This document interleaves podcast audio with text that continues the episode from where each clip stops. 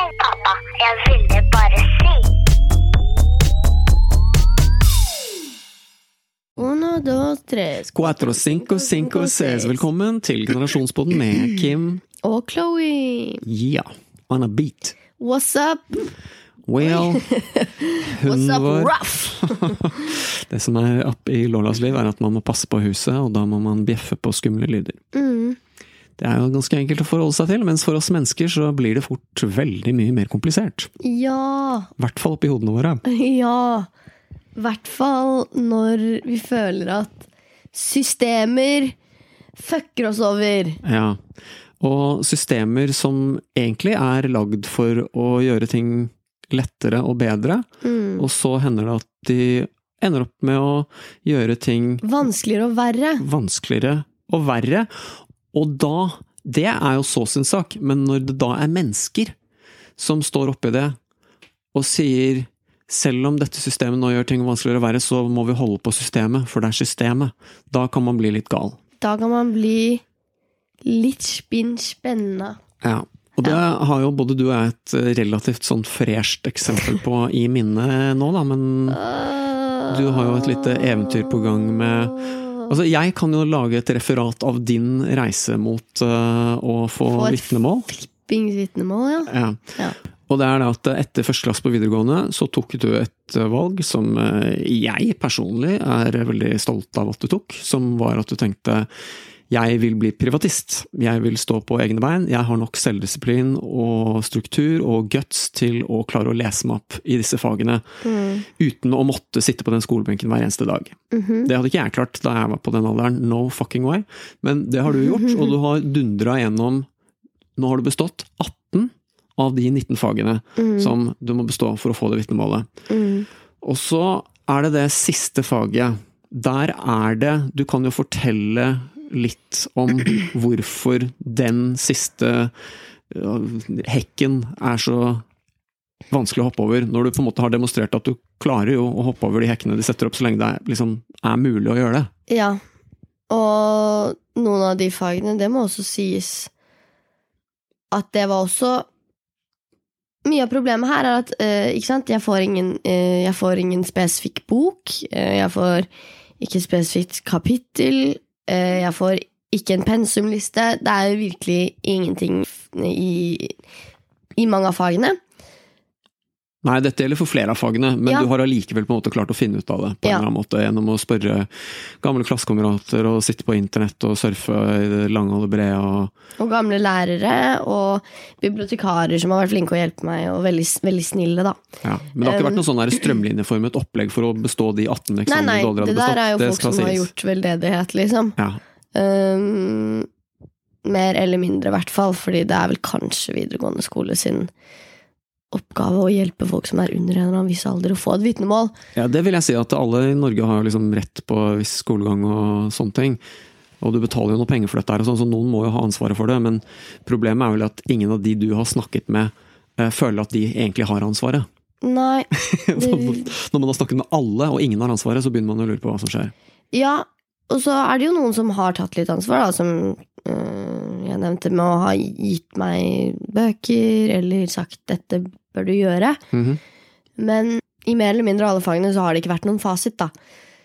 Så det som har sava assen min, er de der fuckings bøkene. Når noen sier 'les denne boken'. Jeg har bestått hver eneste eksamen som noen har sagt 'les denne boken'. Ja. Og det faget som vi snakker om nå, heter tverf, et eller annet sånt praktisk tverrfaglig ambulansefag. Og det er da en skriftlig, muntlig og praktisk eksamen som består av tre fag. Mhm. Og de fagene heter kommunikasjon, Mhm. ambulansemedisin Mhm. og yrkesliv i ambulansefag. Mhm. For de som ikke vet det, så tok jeg ambulanselinje. Ja. Kan jo angre rått på det nå som jeg er privatist, men eh, jeg gjør egentlig ikke det. Fordi jeg syns det er ganske spennende. Ja. Men eh, vi får se om det er den veien jeg tar. Anyway. Jeg har bestått de tre fagene som jeg ramset opp nå. Eh, Som liksom er bestanddelene i den 19. eksamen som du foreløpig ikke har bestått. Så er på en måte Pensumet er de tre fagene. Ja, det er litt sånn Si at det er et fag som heter fotball, Ja. og det faget inneholder straffe, frispark og innkast. Og så har du bestått i det separate faget straffe, du har bestått i det separate faget frispark, og du har bestått i det separate faget innkast. Men allikevel så sier sensorene på liksom samlefaget fotball at uh, det er ikke bra nok. Nei. Og de må også ha en eksamen som heter samlefaget, ambulansefag eller fotball. Ja. Men, men det du sier er det at eh, i teorien så har du allerede bestått i alle de skillsene som er påkrevet for å bestå i det samlefaget. Fordi det første man kanskje tenker er at det kanskje bare er fordi Chloé er en idiot, så da blir det liksom litt sånn viktig å få frem Ja. at det er mye som tyder på at du kanskje ikke akkurat er det som er hovedproblemet her, da. jeg skal komme med et funny eksempel. Kanskje jeg sa dette i en annen pod. Men i det ene faget, som er en av de tre bestanddelene i den eksamen som jeg tok og strøk på, Ja. som heter kommunikasjon, Ja. eller straffespark Ja. Ehm, Så den tok jeg først i fjor, og så strøk jeg. Ja. Og så hadde de ikke noe bok til det faget. Mm. Jeg tok den nå i vår. Ja. Igjen, da. Og jeg ringte og ringte, og har dere noen bok i kommunikasjon og samhandling? Bla, bla, bla, bla. Ingenting. Ingen Ja. kunne hjelpe meg. Hva skal jeg lese? Hva skal jeg lese? Det jeg fikk som svar, var at du, det kommer faktisk ut en bok til høsten. Ikke nå. Ja. Men det hjelper ikke for meg, fordi jeg vil ha vitnemålet mitt forrige halvår. Ja. Så jeg hadde ikke noe bok.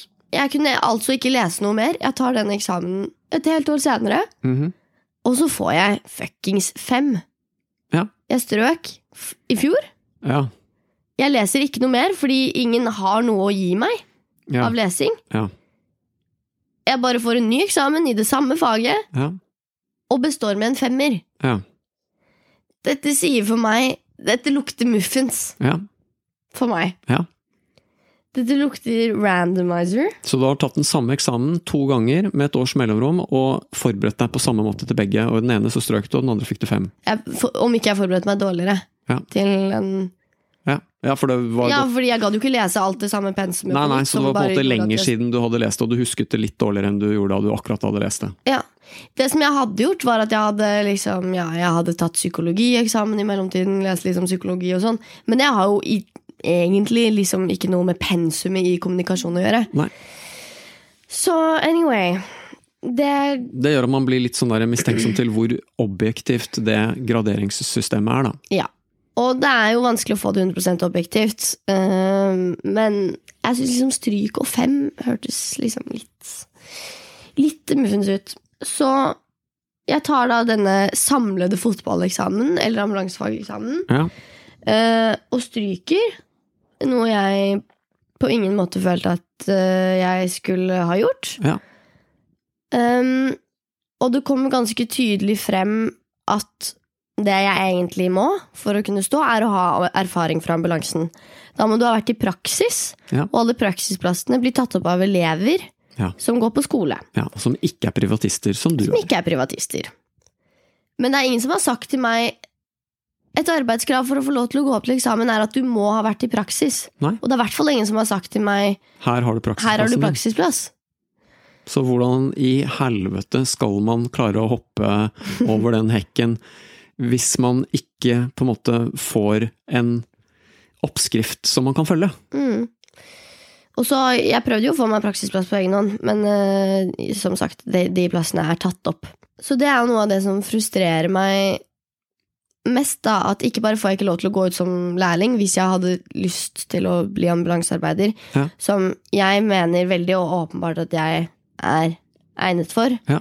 Jeg tror alle lærere som jeg har hatt, kan si at jeg har i hvert fall personlige egenskaper til noen som kunne gjort en god jobb som ambulansearbeider. Ja. Og fikk gode resultater så lenge jeg brydde meg om å få gode resultater.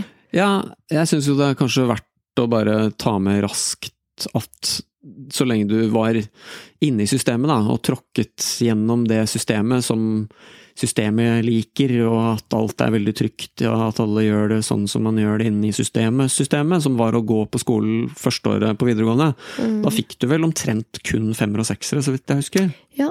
Men eh, det var jo ikke ambulansefag, da. Det var jo helseoppvekst. Nei, nei, men her snakker jeg kun om at, um, om at um, Ja, jeg, kan hvis jeg vil, da. Det er ikke det at jeg er dum, på en måte. Og ikke at jeg føler at jeg må forklare det for noen, men Nei, men det er relevant i den sammenhengen. For at den første forklaringen man kan tenke når noen kommer og sier ja, jeg får ikke lov til å bestå eksamen, er det at du har ikke lest nok, eller du er evneveik, eller et eller annet sånt. Jo, det jeg skulle fram til, og det jeg tror du også var inne på lite grann, var det at du tror at du er en person som kunne gjort en bra jobb i det yrket. ja. Og at det har du på en måte demonstrert ganske tydelig gjennom Og det var egentlig det som var poenget mitt.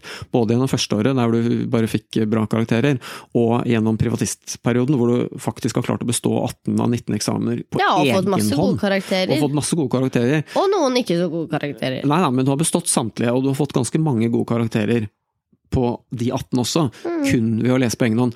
Det burde på en måte indikere at du er en relativt oppegående person. Som fortjener et vitnemål. Ja, og som kunne ikke minst gått ut i det yrkeslivet for det yrket som dette her faktisk er snakk om, og gjort nytte for deg og vært en berikelse for samfunnet, istedenfor å stå stang i en vegg. For det som var så frustrerende når jeg tok den eksamen, da Altså, jeg ble virkelig helt sjokkskadet av eh, det som skjedde der. Det var en halvtimes eksamen eller noe sånt. Jeg skjønte at ikke jeg sto til en sekser. Ja. 100% Ja, for det var ting du ikke kunne Ja, svare fordi, på 100% og sånn. fordi de som får seksere, det er de som har grindet i ambulansefag et helt år, og er de flinkeste elevene av de alle på skolen. Ja. Og som kommer og gjør det der hver dag, og har vært i praksis. Det er, Så jeg ikke, ikke minst det med at det har vært i praksis, tror jeg har ganske mye å si. For det er jo en del av det som går på Altså sånn, Man skal ha vært inne i en ambulanse, er det sånn? Du må liksom Ja, ja. vite hvilke knapp som er på den boksen når noen Og sikkert dra ut på oppdrag og Ja, ja. Ikke sant? Så jeg, hvilke, hvilke ting var det du Når du sier jeg, jeg skjønte at det ikke eh, kunne bli sekser, liksom. Hvilke ting var det du følte det var vanskelig å svare sånn 100% på ut fra det du hadde kunnet Den, den kunnskapen du hadde kunnet tilegne deg, da? Det er jo typisk litt sånn der varm i trøya-ting, da. Mm. Altså, for å gjennomføre et perfekt ambulanseoppdrag, så må du åpenbart ha ting innøvd. Mm. Og fordi jeg er en privatist som ikke har vært i praksis, så har jeg ikke ting innøvd. Nei, for du har, ikke, du, for du har ikke fått anledning til å være i det. det miljøet hvor man kan øve på de fysiske bevegelsene. Nei. Men jeg har åpenbart kunnskapen. Ja. Jeg har åpenbart egnetheten. Jeg har åpenbart læreviljen. Jeg har åpenbart entusiasmen. Og i de fleste eksamener så er det sånn at hvis man får et spørsmål, og det er en standard for liksom hva som er 100% score på det spørsmålet, så pleier man jo å få 80% score hvis man er i nærheten. Eller 50% score hvis man er, har bare halvparten riktig. Og sånn sett så er vel noe av det du sitter med som du syns- er litt rart, er det at det, selv om jeg kanskje ikke hadde all kunnskapen til å naile ti av ti og få en sekser, så følte du vel at du kunne svare ganske bra på Ja. mesteparten av det du ble spurt Ja. om, og at det sånn sett i hvert fall burde holde til et eller annet midt på treet. Ja. Ja. Burde i hvert fall holde til at jeg kan fuckings få lov til å få et vitnemål! Og Og ta komme deg høyere ut og utdanning. bli en nyttig ting for Eller resten få lov til å gå ut i praksis i ambulansen og fuckings lære meg de tingene, da. Ja. Men det var eh, Ja. Ikke aktuelt. Um, det var mildt sagt dritubehagelig å være i det rommet. Dette var både ambulansearbeidere og helsearbeidere. Og lærere, som alle har som eh, topp fem-prioritet å være pedagogiske og empatiske. Og Ja, det var bare sånn er det ikke sånn dere lærer på skolen at det er veldig viktig å være empatisk og sånn? Jo, jo, det står i læreplanen til ambulansefaget. Ja. Til den eksamen. Følte du at de lærerne som eksaminerte deg i dette faget, var gode på å demonstrere det? Nei. det blir vel det enkle svaret. Følte jeg at jeg var god til å demonstrere det i denne eksamen? Ja. Ja. Åh, jeg blir oppriktig Jeg har ikke så mye temperament lenger, men jeg kjenner at jeg blir så sykt Og det er veldig slitsomt å høre på folk som blir skikkelig sint over ting, syns jeg. I hvert fall i podkaster. Så nå beklager jeg dette. Mm. Ja. Og det er sånn sint person i podkast som har en sånn sterk mening. Ja. Men nå bare, må jeg bare uttrykke Ja. at jeg bare kjenner at det bare sånn cirka sånn Rett under brystregionen så bare bobler det som om noen har ristet en farris. Ja. Og latt meg svelge den. Ja. Jeg, jeg, jeg tror en av de få tingene som virkelig kan provosere meg her i livet Jeg er også sånn person som, eller kanskje enda mer enn deg, da, er sånn som ikke lar meg bli opprørt så av, av småting, da. Ja. Men én ting som kan get me going, det er det som man i mangel av et bedre ord kan kalle for urettferdighet. Ja.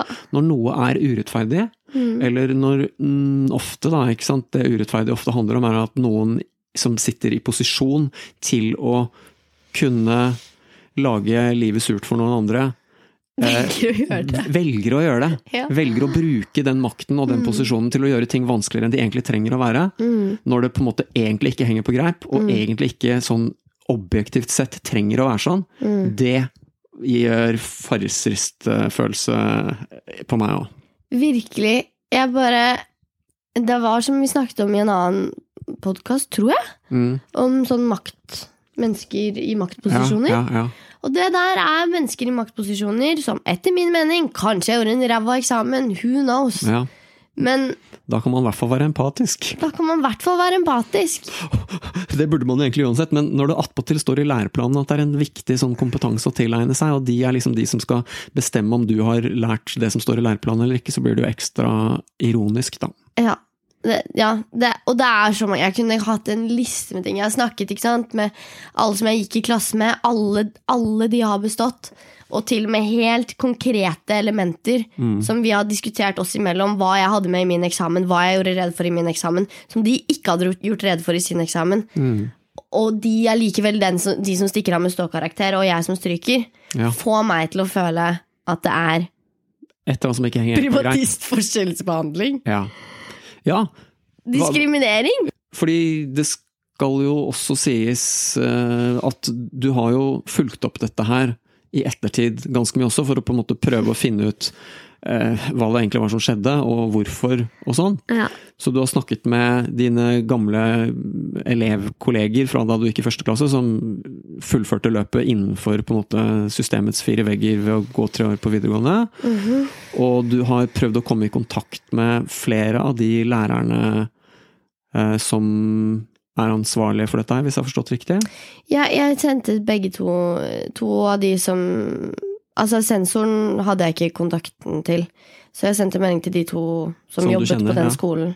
Ikke som jeg kjenner hun andre så mye, egentlig, Nei. men bare de som jobbet på den skolen. Ja. Som jeg hadde mulighet til å få tak i nummeret til. De sendte jeg melding samme dag og sa at uh, jeg syntes det var helt, bak mål, alt Ja, som skjedde der. ja, ja. Um, Hvordan gikk det? Fikk, Ikke noe svar. Jeg sendte også en klage. Den var utenfor kla altså, etter klagefristen. Ja. Så det skjønner jeg liksom at kanskje ikke de kan ta den opp som en formell klage. Nei, for da er man utenfor kan- systemet. Ja, men de kan da i det minste Det er word.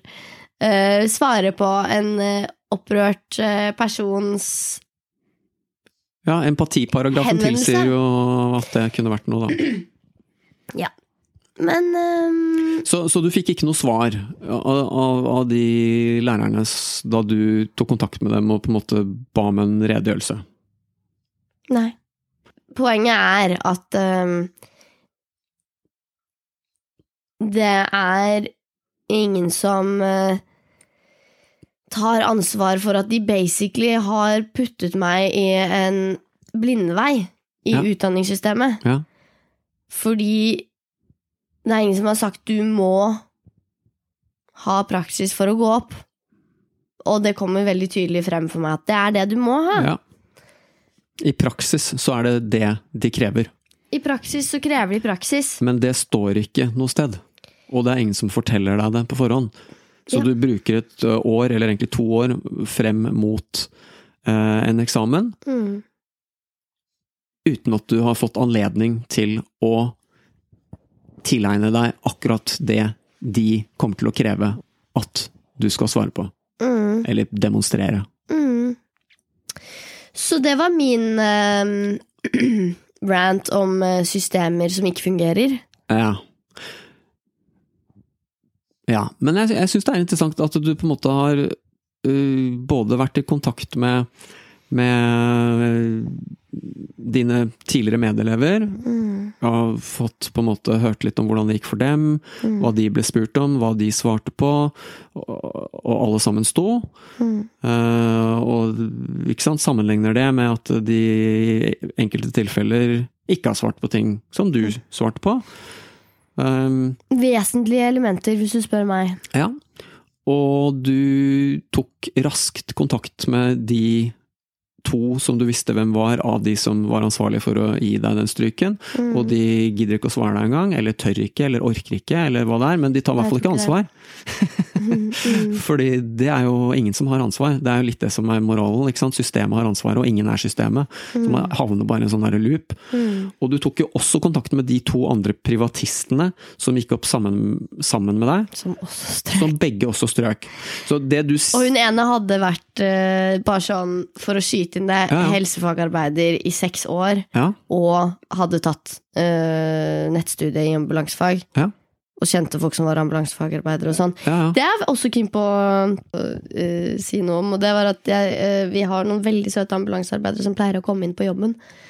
Og så bare På kaffebønnejobben. ja, ja.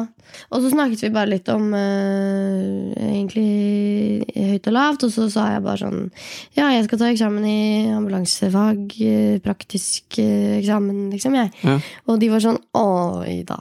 Uff. Ja. Det er den, ja. Ja. Jeg kjenner x antall sykepleiere som har prøvd å ta den eksamen, og det er bare sånn Ingen har fått bedre enn en treer. Så merkelig system. Ja. Hvis ikke engang en sykepleier Altså, når du er sykepleier, da har du gått gjennom tre år med ø, medisinfaglig utdanning. Mm. Og hvis du har lyst til å bli ambulansefagarbeider, så har du mest sannsynlig Kanskje du til og med har vært i praksis, da. Mm. Eller du har tatt en eller annen form for nettstudie. Eller kanskje du bare winga det som privatist. Men det sier meg noe om at når du allerede er sykepleier, Ja. så kanskje du tar en eller annen sånn requirement, da, i Ja. hermetegn, Ja. eh, for å ta, gå opp til denne eksamen her. Ja. Og det ikke går an å forbedre en treer, og samtlige stryker, liksom. Mm. så høres det bare ut for meg som det, For meg så høres det som at det er nåløyet for å få lov til å komme gjennom der, da, og få lov til å så gå ut i lærling, som du uansett må være i to år. Du kommer ikke til å være alene med en pasient, egentlig, ever, for du er alltid to. Men du får ikke hovedansvaret for en pasient før du Har gått to år i lære uansett. år i lære uansett. Så for meg så virker det som at det nåløyet er altfor lite i forhold til behovet vårt for helsearbeidere. Ja, det er også et poeng som jeg følte at vi nærmet oss på et eller annet tidspunkt, og som bør diskuteres. Jeg vil bare ha en liten sving innom Jeg Hopper bare liksom frem tilbake sikkert her, men, men fordi det Du snakker om det nåløyet, da. Men det jeg tror jeg vet at du eh, sitter med en sånn der sterk mistanke om, da. Dette blir jo spekulatorium. eh, filosofikum. Men du sitter vel med en følelse av at det nåløyet har to forskjellige størrelser. Når man har stempelet privatist, ja, ja. og når man har stempelet 'jeg er elev og har gått inni, Ja. inni skolens fire klasseromvegger'. Det er jo litt det, ikke sant? Ja, ja. Og det blir jo vanskelig å, å, å på en måte bevise og sånn og sånn og sånn. Mm. Men nå snakker jo i hvert fall du og jeg om, for ut fra det du forteller meg, så kan jeg ikke noe annet enn å si at jeg syns jeg er litt enig i den mistanken, da. Mm. At eh, når man er innenfor systemet og liksom har gjort det på den i anførselstegn riktige måten, så får man kanskje litt mer goodwill. Så Mm. får man kanskje litt mer eh, eh, Tommel opp. ja, litt mer tommel opp, og litt mer sånn at eh, fordi man liksom skal bestå det, så blir det plutselig veldig radikalt å stryke noen, ikke sant? Mm, Mens når man ikke er med i den klubben, mm, så blir det kanskje fort nesten en sånn tradisjon som går på det motsatte, at det skal være drit, det skal egentlig ikke være lov, det skal egentlig ikke gå an, og det er jo flere som har sagt til deg underveis òg, og det blir litt sånn der høna og egget for meg. Hvis du sier, ikke sant, for du har sagt at å ja, nei, det, det er nesten ingen som står på det og sånn, er det folk som har sagt til deg. mm. Da, Ja, ja, det var det første læreren min sa til meg da jeg Ikke sant? eh, gikk ut. da blir det plutselig en veldig sånn radikal ting å la noen stå. Mm. Ikke sant? Når det liksom skal være umulig. Mm. Så, og, og da stikker man hodet ut igjen, ikke sant? og folk er jævlig redde for å stikke ut hodet og gjøre noe som på en måte ikke er vanlig. Altså, jeg hørte en sånn undersøkelse, jævlig lættis undersøkelse, nå hopper jeg, men det er gøy. Og, Ja. og dette er bare et utrolig sånn godt eksempel. Da. Jeg har lest masse sånne bøker som handler om sånn kognitiv eh, hvordan mennesker tenker. Da. Og at vi tror vi er veldig rasjonelle vesener, men det er en sannhet med store modifikasjoner. For det er en del sånne ting vi har lært gjennom å være primater i 30 millioner år, som egentlig bare handler om hva som øker sjansen for å overleve, og som ikke handler om å være rasjonell. For det er ikke alltid det å være rasjonell som funker best for å overleve. Da. Yeah. Og et sånt eksperiment var det at de hadde, de hadde to linjer. En kort og en litt lengre sånn linje på et papir. Mm. Og så tok de inn forsøkspersoner, og så lot de som om undersøkelsen liksom handlet om noe annet, for sånn er det ofte. Og så var det eh, De fleste av de som var inne i rommet, var skuespillere. Mm. Og så ble de spurt hvilken er den korteste linjen? Og så fikk de liksom syv av ti personer til å velge den som egentlig var lengst, Ja. Og si ja, det er selvfølgelig den. Og så så de hvor mange av de gjenværende som var de ekte forsøkspersonene, fremdeles fulgte common sense og pekte på Her var det dere, er dere på syre, liksom? Er åpen, den her er jo åpenbart en tredjedel kortere Ja. mener dere det omvendt, liksom? Men det er ikke det som skjer. Det er sånn der, Over halvparten, i hvert fall 60 eller 70 da, av alle de menneskene som var inne, de bare valgte det som var feil, fordi det var så mange andre som sa det. Og da blir det tydeligvis så jævlig skummelt for de der primathjernene våre å liksom stikke oss ut. da. Ja. Fordi vi tror sikkert det at da blir vi kastet ut av flokken og blir sittende alene på savannen og blir spist opp av gribber og Ja. løver, mens resten av stammen danser videre inn i solnedgangen og ja, har det dritfett, liksom. Ikke sant? Mm. Så, så, så, så det å så stikke seg ut, Mm. det å så stryke noen når alle skal stå, eller det å gi noen ståkarakter når alle skal stryke, det er tydeligvis en mye større faktor enn det jeg tror de fleste av oss egentlig er villige til å tro det er, og innrømme at det er. Ja, jeg tror det, altså. Sorry, Mac. Ja. Så det er i hvert fall det du sitter og føler, da. Og så kan jo vi synse så mye om det som vi vil, og så kan folk få gjøre opp sin egen mening og bla, bla, bla. Men, men, ja, for hvorfor gjør de det? Det må jo være det der, da. men jeg syns ikke det høres helt usannsynlig ut, i hvert fall. Som en mulig forklaringsmodell på at det går an å jobbe så mye og lese så mye og tilegne seg så mye informasjon som det du har gjort, og allikevel at det såkalt ikke er bra nok. Ja. Så det er én del av ranten. Og så er det jo litt den der andre delen av ranten som du begynte på nå i stad, så kan vi bare zoome tilbake til den. da. Ja. Som er det at det, Var det ikke sånn at vi ville ha flere helsearbeidere ut i samfunnet? Var det ikke sånn at Ja. vi ville ha flere sykepleiere? Var det ikke sånn at noen ganger så er det sånn var det ikke sånn at vi har liksom mangel på 20 000 uh, Var det ikke det, ja? ja, helsearbeidere i landet, liksom? Eller mer? Eh, Jeg trodde det var det, men Ja, ikke så så da tenker jeg sånn, ja ja, men vi kan jo ikke gjøre eh, eksamen lettere, for da får vi flere sykepleiere, men alle suger, liksom. Ja, ja, ja. Men da ser jeg Det er ikke det som er pointet. Nei. Det trenger ikke å være lettere, men det må være en tydelig path. Det må være en tydelig, tydelig måte å, å, å, å få det til Mm. som, som, eh, som det er mulig å følge. Det må være en oppskrift som det er mulig å følge. Og den oppskriften må på en måte være relevant i forhold til det faget og den arbeidsoppgaven og de arbeidsoppgavene og det yrket du faktisk skal utføre. Så det er også litt viktig at hvis man har kjørt seg inn i en sånn derre tradisjon hvor spørsmålene egentlig ikke måler ferdigheter som er relevante for den jobben man skal utføre, da må man tenke seg om en gang til. ikke sant? Og Det er også sånn som vi har snakket litt om før, som er litt sånn i samme gata. Det er jo det at Da snakket vi om psykologiyrket, da.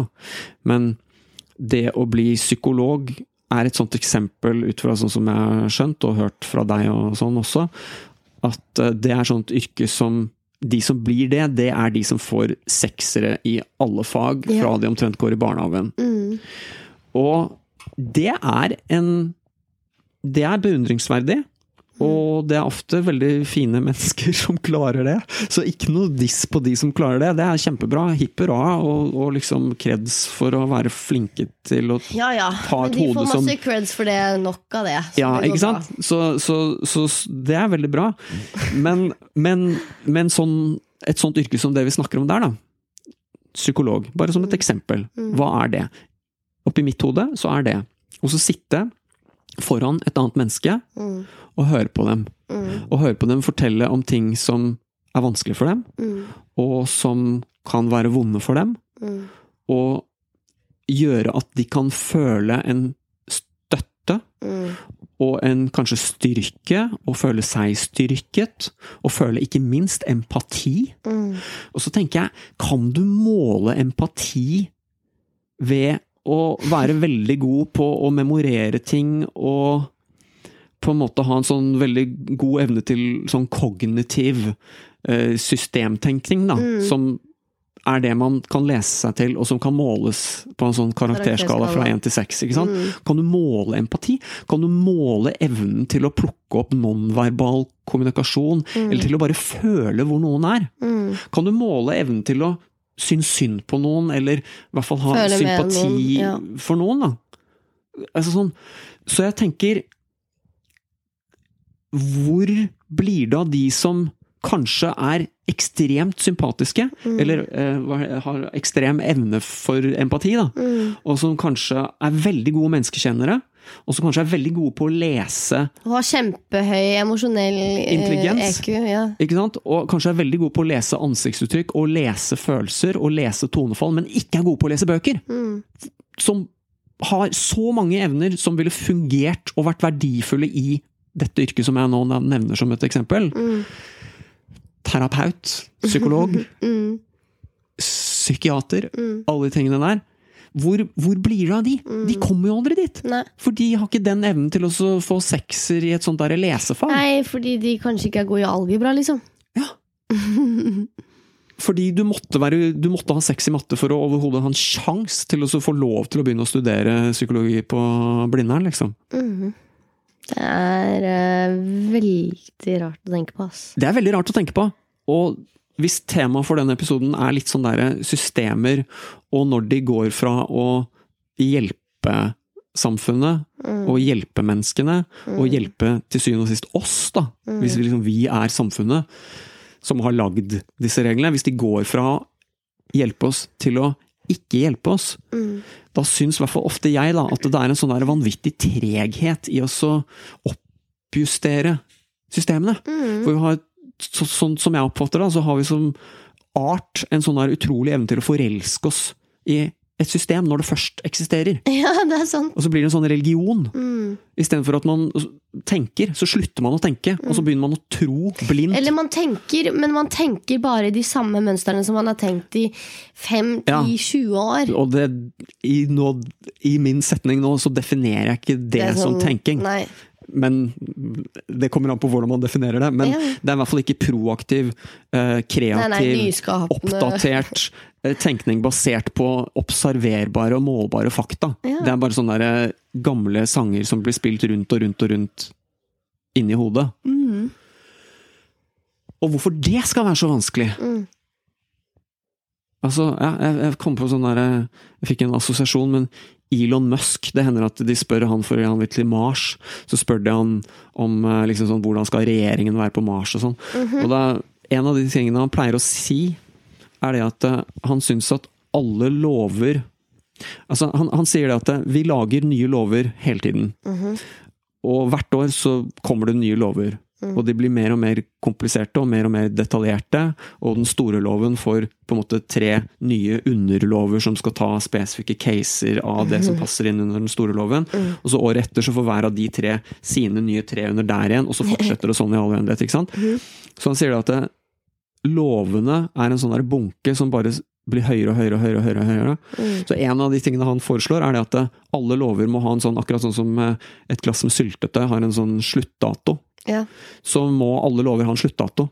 Ja. Og hvis den kommer til den sluttdatoen, så, så slutter den å være en del av loven. Hvis ikke noen proaktivt går inn der og sier og fornyer den, da.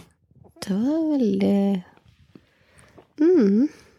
Det var Det var bra og konkret. Ja, jeg syns det. Ja. det. Det maker i hvert fall veldig sånn sens. Ja, det maker masse sens. Så kan man diskutere alt mulig rart, men, men Ja, ja, om allikevel man, man, bla, bla, bla, Men liksom. man skjønner hvor han vil med den tanken. Og det er litt dit jeg også egentlig vil. Det er show word. Jeg tenkte på noe annet du sa om Elon Musk også, som var sånn um, For nå snakket du litt om sant, hvordan systemene på en måte henger seg opp i en sånn dysfunksjonell greie, fordi Ja. vi forelsker oss i de systemene. Ja. Det er så deilig å slippe å tenke. Ja. Eller i hvert fall bare tenke på de samme tingene. Ja, ja. Og Det er så deilig å slippe å bruke hodet, da, ja, for å kalle det det. Men det er jo det som egentlig er digg. Det er bare kjedelig å komme ut av ja, Ja, så er det skummelt, tror jeg. skummelt. Det, det er kjedelig Det er til dels kanskje kjedelig og slitsomt å bruke hodet, istedenfor å bare følge et mønster. Mhm. Og så er det nok skummelt, som vi var inne på i stad. Jeg tror det er mest skummelt, altså. Ja, for det å si noe som de andre ikke sier, oh, Ja. Da blir du alene på savannen og blir spist opp av moskus. på savannen. Ja. Um, men jo, det fikk meg til å tenke på det, det du fortalte om den maskinen. Ja. Kan du ikke fortelle det? ja, Den maskin maskinen var det? som Elon Musk prøvde å bygge, kanskje det var et romskip, Ja, ja. men som gikk jævlig sakte, da. Å ja, den maskinen der, ja. Ja, Ja, ja, ja. fortell, da. Ja, nei, det var på den der eh, fabrikken hans som skulle bygge den bilen som heter Model S, da. For de som ikke kjenner hele den historien, så er korthistorien at Elon Musks plan med Tesla, bilmerket Tesla, var liksom helt fra begynnelsen av å begynne med å lage få, men dyre biler. Mm. Og så, når de fikk inn litt cash, så skulle man bruke den cashet på å investere i å lage rimeligere biler, men mange flere. Mm. Og så til slutt billige biler til- for alle, ikke sant? Mm, mm. Haugevis av biler som var billige å kjøpe. Mm. Så Model S var et veldig sånn stort hopp da, i den planen. Da skulle de plutselig begynne å lage veldig veldig mye flere biler, og de skulle være billigere. Og da bygde de en sånn kjempestor fabrikk. Og da er han sånn sånn eh, direktør som ikke sitter på et kontor, men som labber rundt nede i fabrikken hele tiden, og er helt sånn nazi på å sjekke absolutt alt Mm. og legge seg opp i alt og spørre om alt. Og det kan det sikkert være ulempe med, men det er helt åpenbart noen fordeler med det. For han finner jo hele tiden sånne feil og ting som kan bli bedre. Mm. Jeg leste akkurat den, den siste boka om Elon, da, det er derfor jeg kan alt dette her. Så det eksempelet som du nevner, var en sånn, eh, en sånn robot som skulle skru inn noen skruer, og så gikk den så jævlig sakte. Og så spurte han hvorfor, hvorfor den beveger den armen seg så sakte, og hvorfor går den skruen så sakte rundt når den skal skrus ned? Nei, det var det ingen som visste. Ok, hvem kan denne maskinen? Mm. Ja, nei, han er ikke her.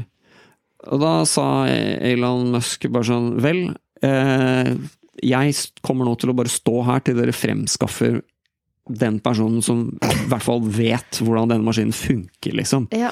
Ok, liksom. Uh, han er jo sånn forferdelig eh, samtidig som han er veldig smart, så alle skjønner jo det at hvis de ikke gjør det han sier, så får de sparken om fem minutter. ikke sant? Så de klarer å finne han personen da, som kan den maskinen.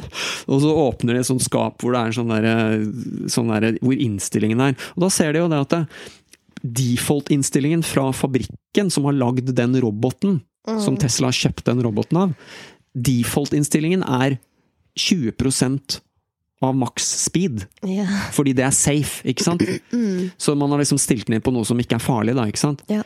Og så har ingen sjekka defaulten! Nei. Så han, fordi han kan programmere og sånn, så bare programmerer han til å gå i 100% isteden. Og så ser de ja, ok, det er for fort, for da ødelegger den gjengene på de der skruene. Mm. Ja, ok, prøve 80, da. Perfekt. Plutselig så gikk alt fire ganger så fort. Mhm. Bare fordi ingen hadde eller bare fordi han gadd å bruke hodet, da. Der hvor ingen andre hadde tatt ansvar, eller turt, eller sannsynligvis ikke engang tenkt tanken. De hadde bare kjøpt. Det er en maskin som skrur i skruer. Ja. Og så ikke noe mer tanker rundt det. Nei. nei.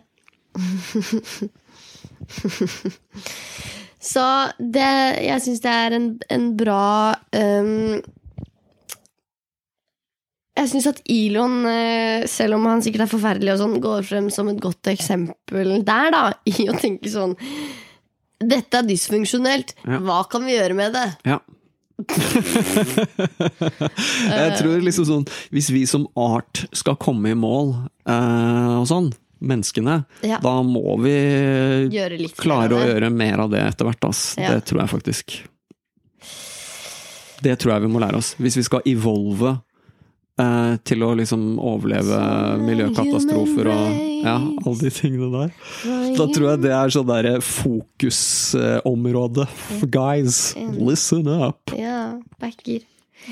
Og så hadde du en uh, situasjon. Ja, jeg hadde også en systemsviktsituasjon. eh, systemsvikt. uh, veldig saktegående skruer inn i maskinen-situasjon. Ja. Ok, dette her blir jo ganske sånn generasjonete, da. Fordi uh, her kommer du fra din eh, vinkel og generasjon og alder og sier pling, pling. Et system som ikke funker for meg, handler om utdanning og Ja. eksamener og sånn. Ja. Og så kommer jeg med sånn pling, pling. Jeg er en voksen person, jeg er en foreldre. Jeg eh, er sånn som tenker på sånn om å gå i banken og skaffe boliglån og gjøre sånne pappating. Men det er egentlig akkurat det samme, da. Mm. Ja. Fordi eh, System failure. det er system failure. Det er error, error. Det er Hal. Ja, det er HAL i Ja. 2001. Ja. I'm sorry, Dave. I can't do that. ja. Det er det, liksom. Det er bare å se Space Odyssey, y'all. Ja, det er veldig gode eksempler på det vi snakker om. eh, I en litt sånn metaforisk eh, versjon. Ja. Men nei, så, så det lille eventyret jeg uh, var med på her om dagen, det har sin bakgrunn i at renta har gått opp. ja. Ja, Det er sånn alle voksne vet. Ja. Og jeg føler meg veldig smart når jeg sier det. Ja. I smalltalk. Ja. Og grunnen til at det har noe å si, er at når man skal kjøpe hus La oss si at man har lyst til å kjøpe et hus som koster fem millioner kroner, Mm. men så har man bare to millioner kroner. Mm. Da må man låne tre millioner kroner av banken. Mm. Og for at man skal få lov til det, så vil banken ha noe igjen, og det er renter. Ja. Og det betaler man hver måned til banken. Hvis man har lånt det. Og renta den går opp og ned Mm. av forskjellige årsaker. Og nå i det siste så har den gått veldig mye opp i løpet av veldig kort tid. Og sånn i vårt tilfelle så betyr det kort fortalt at det å bo i det huset vi bor i, koster omtrent dobbelt så mye nå som det gjorde i fjor. Mm. Og det er jo snakk om mange tusen kroner i måneden.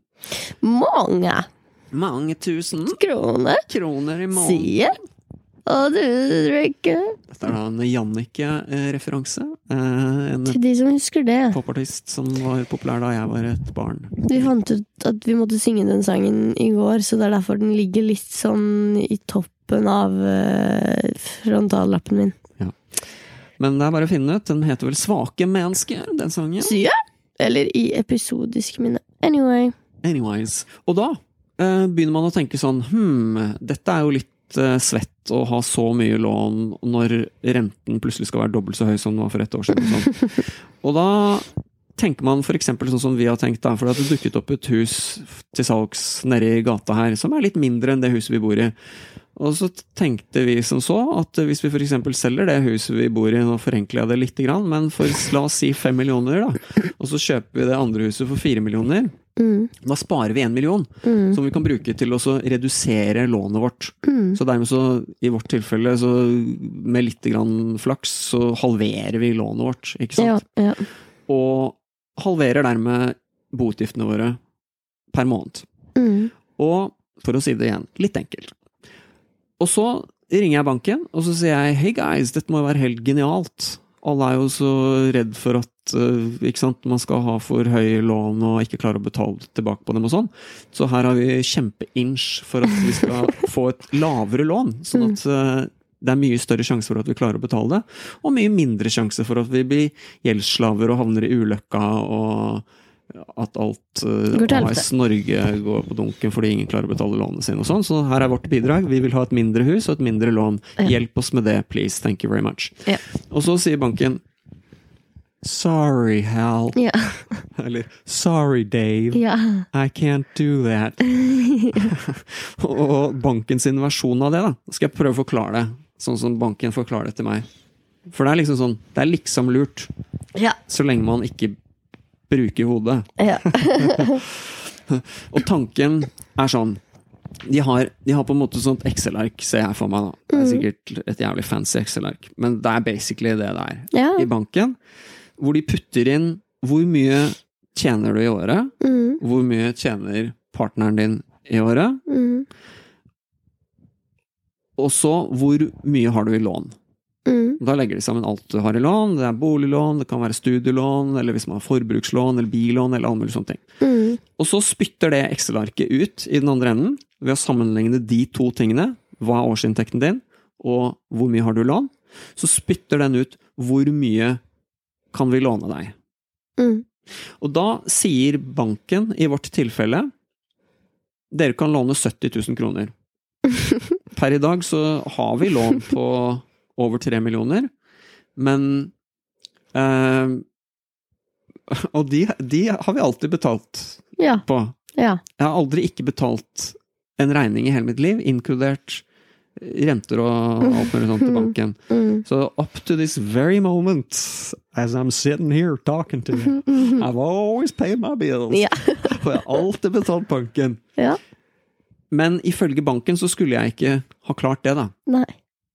Ehm, og så sier jeg, men hallo, jeg har jo klart det. Jeg har bevist at jeg klarer det, liksom. Ja, ja. Og når jeg klarer å betale ned på lån på tre millioner, da klarer jeg i hvert fall å betale lån på to millioner, og sjansen for at jeg klarer det er mye større, så la oss nå guds skyld gjøre sånn at det blir to millioner istedenfor tre. Ja, og at jeg får lov til å flytte inn i et hus som jeg ikke får flytte inn i. Ja, fordi det er jo nøkkelen til at det lånet skal gå ned. Ja.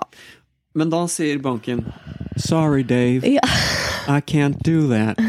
Og så sier jeg jo, men det er jo helt høl i huet. For Ja. det derre- alle de der reglene de er jo der for å passe på at folk ikke havner i ulykka. Ja. At folk ikke havner opp med å skylde mer penger enn de klarer å betale ned på. At de havner opp med å ikke ha lån som er for høye for dem. Ja. Og her kommer jeg og vil ha et lavere lån. Ja. Sorry, Dave. Ja. I can't do that. ja. For de har da den der roboten som sier det. Og når jeg sier ja, men kan ikke du bare bruke hodet, du skjønner jo at dette maker sense, så sier de ja, jeg skjønner at det maker sense, men jeg får ikke lov å gå utenfor systemet. Sorry. Sorry, Dave. I can't do that. Ja. Ikke sant? Og de sier det at det er fordi myndighetene har pålagt bankene veldig sånn strenge regler for at man skal holde ting i sjakk. Og igjen, det er jo for å beskytte folk, ikke sant? At folk ikke skal ha uansvarlig økonomi og sånn. Men når man da, resultatet blir at når noen kommer og er ansvarlige, og vil gjøre Bli mer ansvarlige! Bli mer ansvarlig og hjelpe både meg selv og banken og samfunnet med å sørge for at alt tikker og går og ikke kollapser. Og så er da systemet satt opp sånn at det forhindrer meg fra å gjøre det. Mm. Da får Da- man Tenker jeg, Da er det på tide å update det systemet. Da Ja, da er det på tide å ta en fuckings Elon. Da er det på tide å ta en. Sparke noen. Ja, og da skjønner jeg Eller hvorfor sparke en lov. ja, Og derfor så skjønner jeg hvorfor Elon vil være hovedaksjonær og styreleder i alle firmaene sine. Fordi problemet med demokrati og byråkrati og sånne ting, er jo at systemene av og til tydeligvis overtar hele sjappa. Så ja, i mitt tilfelle så vil da systemet eh, Det ønsker å holde meg fanget i et lån som eh, er høyt og risikabelt, istedenfor å la meg bytte til et som er lavere og har dermed lavere risiko for meg og hele systemet. Og i mitt tilfelle så har systemet lyst til å fange meg inn i en situasjon hvor jeg ikke har vitnemål og kan ta høyere utdanning. Og hvor samfunnet ikke får dra nytte av dine både intelligens i ditt tilfelle, for du er både smart og empatisk. Slay! Thanks, dad. Cheers to that. Yeah, cheers. Mike cheer. Mike, skål. Så vi er da inne i hver vår um, sump Ja, laget av systemet. ja. Vi dunker hodet i hver vår hal. Ja. Blir du sånn sint på innsiden når du tenker på det? Eller frustrert? Eller Ja. irritert? Jeg blir det. jeg blir det. Og så samtidig så er jeg veldig, samtidig så er jeg veldig sånn bevisst på at de menneskene Ja, ja, ja. med, det er ikke deres, Nei, det er ikke deres måte feil. skyld. Nei. Men Samtidig så blir man sånn jeg blir veldig irra på de av dem som blir sånn arrogante Åh! og, og, og, og på en måte skal forsvare et system som er idiotisk. Helt lukka. Ja. Jeg har mer til overs for de som Er i hvert fall klarer å si at jeg er enig med deg, at det ikke maker noe sens. Mm. Jeg bare Men sorry, liksom. Jeg, jeg er bare en bitte liten legokloss. Jeg Ja. får ikke lov til å forandre på den store maskinen. Nei. Så da syns jeg litt Eller da får jeg mer sympati for dem, og da blir jeg mindre sinte på dem, i hvert fall. Ja. Men det er sånn frustrerende, for at det, da har du på en måte ikke noe sted å putte den frustrasjonen. Nei, nei. Fordi det er liksom ingen sin skyld. Og det er liksom ingen sitt ansvar. Nei. Ingen har ansvaret. Ja, det er sånn Jeg spurte hun ene bankpersonen eh, Hun sa sånn Ja, du kan Eller jeg sa hvem er det som lager disse lovene? Jeg tror hun sa sånn Finansdepartementet eller Finansdirektoratet. Ja, ja. Sånn. Så du kan jo selv tenke deg hvor langt jeg kommer med å liksom prøve å ringe Finansdirektoratet. Det er nesten så man skal gjøre det bare for the fuck of it. Ja, vi kan gjøre det på sånn der uh... Vi kan gjøre det på livepod. Ja, vi kan gjøre det på livepod, på sånn prank call, men at det ikke er prank. At det er sånn serious. Ja, det er serious call. Ja. Kanskje vi gjør det. Den har en sånn funksjon, den der podkastopptakeren vår som er sånn at man kan plugge inn telefoner. Oi, serr. Det går an. Det er bra, da. Ja. Men jo, jeg, jeg blir absolutt frustrert. Ja. Og så blir jeg litt sånn oppgitt. Ja. Ofte så blir min konklusjon litt sånn derre Her må man bare ordne seg så best man kan, for systemet er fucka. Og så skal jeg si det i rettferdighetens navn, at når man bor i Norge, som vi snakket litt om i den Erna-podden også, om politikk og sånn Mm. I Kardemommeby. Sånne ting. Ikke sant? At vi bor i Kardemommeby, Mm. og at uh, det er utrolig mye som funker her i forhold til i veldig mange andre land, og det er jeg kjempeglad for. Ja, hvis vi tenker på det. at liksom folk liksom driver Ja, Bare blir harmed ute i verden for ingen grunn, da blir man jo litt sånn ok, samme det da om jeg ikke får lov til å ta opp huslån, eller Ja. samme det da om jeg ikke får lov til å ta høyere utdanning. Ja. Men eh, Jeg lever og kan gå i butikken og kjøpe mat.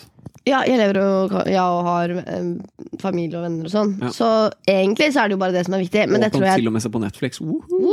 Og det tror jeg på en måte dere lytterne våre vet at vi egentlig syns er viktigst. Ja. Dere som har begynt å kjenne oss litt nå. Ja.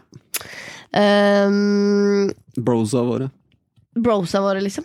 Men uh, vi føler bare at eh, hvis vi kan si noe om det, og gjøre at det blir enda bedre, selv i Kardemommeby, Ja.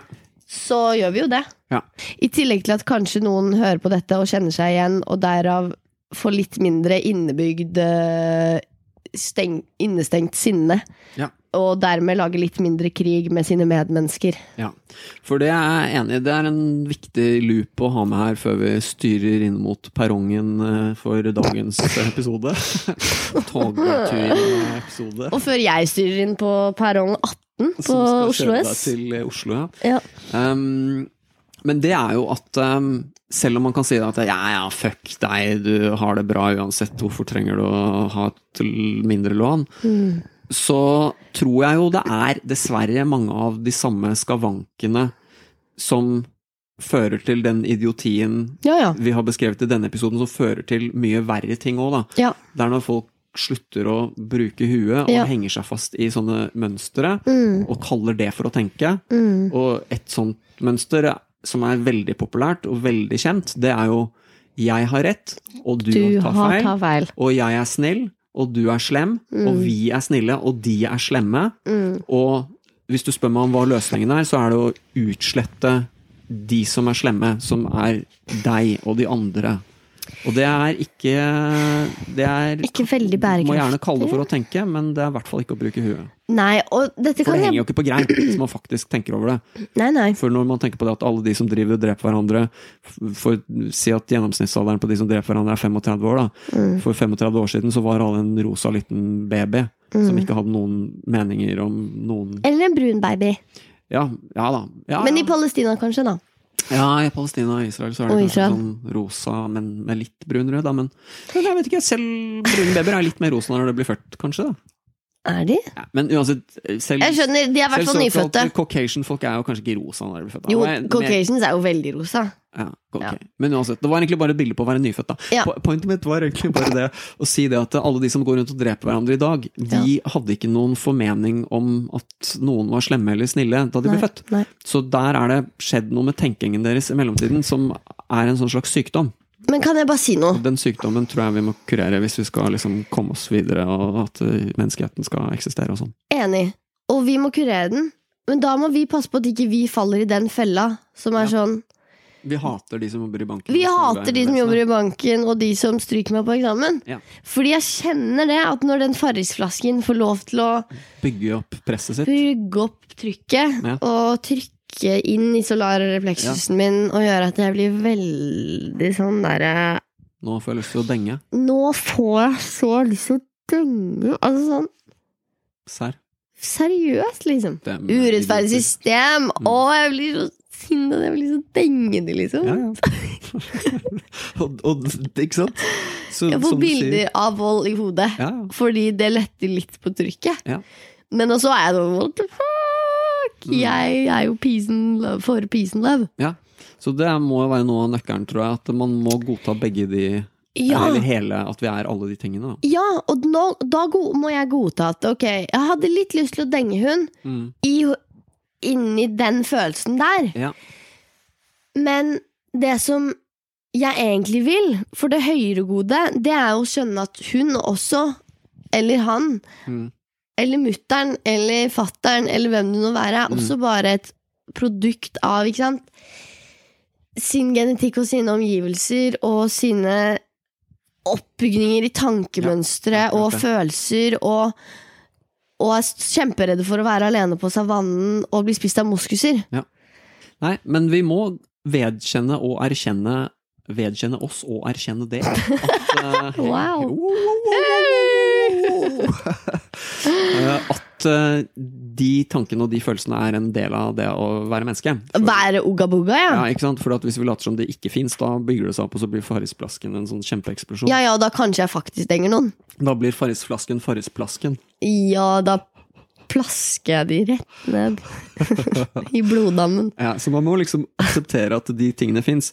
Ja. Men som sagt, jeg tror at hvis vi skal ha noe sånn særlig håp for å klare oss gjennom å bli et sånn høyteknologisk sivilisasjon med masse sånn teknologi som er kraftig nok til å utslette oss selv og sånn, da tror jeg faktisk at vi må skjønne at ja, det er en del av oss, men ja. vi må også oppi det hele klare å skjønne det, at eh, hun der eks eksamenspersonen og han der bankduden og alle de folka der, de er egentlig sånn som meg. De er ikke noe slemme eller onde mennesker, men de er kanskje en del av et system som trenger en update. Og det tror jeg vi må bli enige om, at vi må få lov til å oppdatere systemer som ikke funker, og det tror jeg vi må bli flinkere til. Mm. Og det er sånn, hvis vi ikke blir det, så tror jeg ikke det går. Så det er i hvert fall litt av det vi prøver å snakke om når vi sitter her og snakker, da. Og, og uansett hva vi snakker om, og i andre, alle andre podder og sånn, vi prøver jo så godt vi kan å både være ærlig på det at ja, vi blir irriterte, ja, vi dømmer folk og alle de tingene der, men liksom samtidig ha én del av hjernen som husker på at men vi vet at egentlig så er det ikke sånn at man kan liksom løse verdensproblemene eller de små problemene ved å tenke at de andre er slemme, og jeg er den eneste som er kul i hele verden. Nei, jeg tror ikke det. Vi må gå litt dypere. Ja. Vi må tenke på hvordan det er å være inni de som gjør den slemme tingen. Dypere eller høyere. Ja. Det er samme ord Eller det er forskjellige ord for samme ting. Jeg jeg leste en annen bok som var dritkul, som handlet om Det var amerikansk, handlet om eh, amerikansk politikk, som du vet jeg syns er litt interessant. Ja, i hvert fall litt mer interessant enn er norsk politikk. Erna Sindre. ja. um, og da er det sånn, hele tiden så snakker man sånn venstresiden og høyresiden i amerikansk politikk. Ja. Og det er jo rimelig overførbart til andre steder òg. Mhm. Og så sier han det at eh, man henger seg opp i det å snakke om venstre og høyre, men at man kan snakke på et sånt lavt amygdala-nivå med Jeg tror jeg heter amygdala. Ja, Amygdala, der, Mm. den, der satt den. Jeg visste det var noe. Eh, jeg snakker egentlig engelsk, og så oversetter jeg den til norsk, og da ble det litt feil. Men i hvert fall, man kan snakke om venstrevridde ideer med sånn apehjerne, som er sånn der, uh, uh, Jeg er en tribe, uh, uh, du er en rasist, jeg hater deg, jeg skal drepe deg fordi du er rasist. Ikke sant? Da er man liksom på venstresiden i amerikansk politikk. Ja. Eller man kan være på høyresiden og bare sånn Å, å, jeg elsker Trump. Trump er den beste personen i hele verden. Trump har rett i alt han sier. Jeg elsker Trump. Jeg skal bygge en stor vegg og drepe alle meksikanere. O, o. Ikke sant?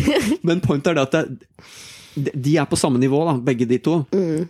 Så han sa at istedenfor å snakke om venstresiden og høyresiden, så vil jeg snakke om det han kalte low rung og high rung. da. Ja. Rung er sånn der skritt på en stige, ikke sant. Ja. Så high rung er du, er du oppe, og low rung så er du nede i ugaboga. Ja. Og så kan man ikke sant, For der, på høyresiden der, da, så har man kanskje ikke sant, fri handel, eller, eller at man skal uh, Ikke sant uh, Jeg vet ikke hva som er sånn high rung right wing ideals, da, men det må jo være frihet, da. Ikke Ja, sant? Frihet ja, ja. for individet og sånne ting. ikke sant? Mens kan- high rung left uh, wing ideals er kanskje sånn ikke sant? compassion og medmenneskelighet, og at man skal ta vare på de svake og sånne ting. ikke sant? Ja. Sånn at det er mye lettere for de som er på en måte på høyre og venstre side av spekteret, som er oppe på den high rungen, å snakke sammen. ja, ja.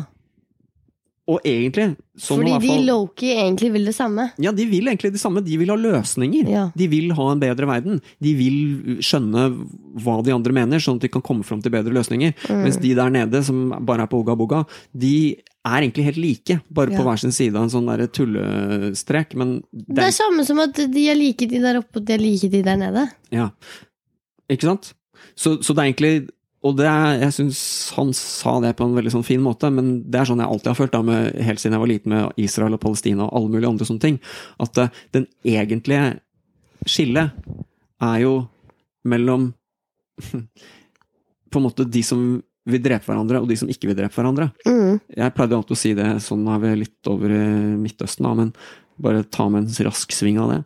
At uh, jeg har liksom alltid tenkt sånn at eh, det man egentlig burde, var også lage Man burde dele, istedenfor å dele mellom Israel og Palestina, Mm. så burde man dele opp i har lyst til å drepe de andre, har ikke lyst til å drepe de andre. Mm. Har lyst til å løse konflikten ved å utslette alle palestinere eller israelere, eller har lyst til å leve i fred med de som har en annen trosretning og en annen familiebakgrunn og etnisk bakgrunn enn meg selv, men har Mm. lyst til å leve og få det til å funke med de andre. Mm. Det burde vært de to forskjellige landene. Så kunne de som vil løse konflikten ved å drepe hverandre, bodd i det ene landet, og så kunne de som vil løse konflikten ved å Men vi må jo hjelpe de som vil drepe hverandre òg. ja da, vi må det, men Og det her er selvfølgelig bare et sånt bilde, og jeg skjønner jo det at eh, det er bare et sånt tulleforslag på én måte, men allikevel så er det et veldig sånn Jeg skjønner, jeg skjønner um, Det har en sånn slags um, Det har en sånn naiv logikk ved seg, mm, som jeg tror alle skjønner, egentlig. mm. Jeg backer logikken, men da tenker jeg bare sånn Hva skal man gjøre med de som er keen på å drepe hverandre? Jeg, jeg tror jo det at de eventuelt Jeg tror det at de etter hvert vil ønske oss å flytte over i det andre landet. Ja, selvfølgelig. Ja. Selvfølgelig, sånn blir det jo. Og så etter hvert som folk bestemmer seg, så kommer flere og flere over dit. Mhm.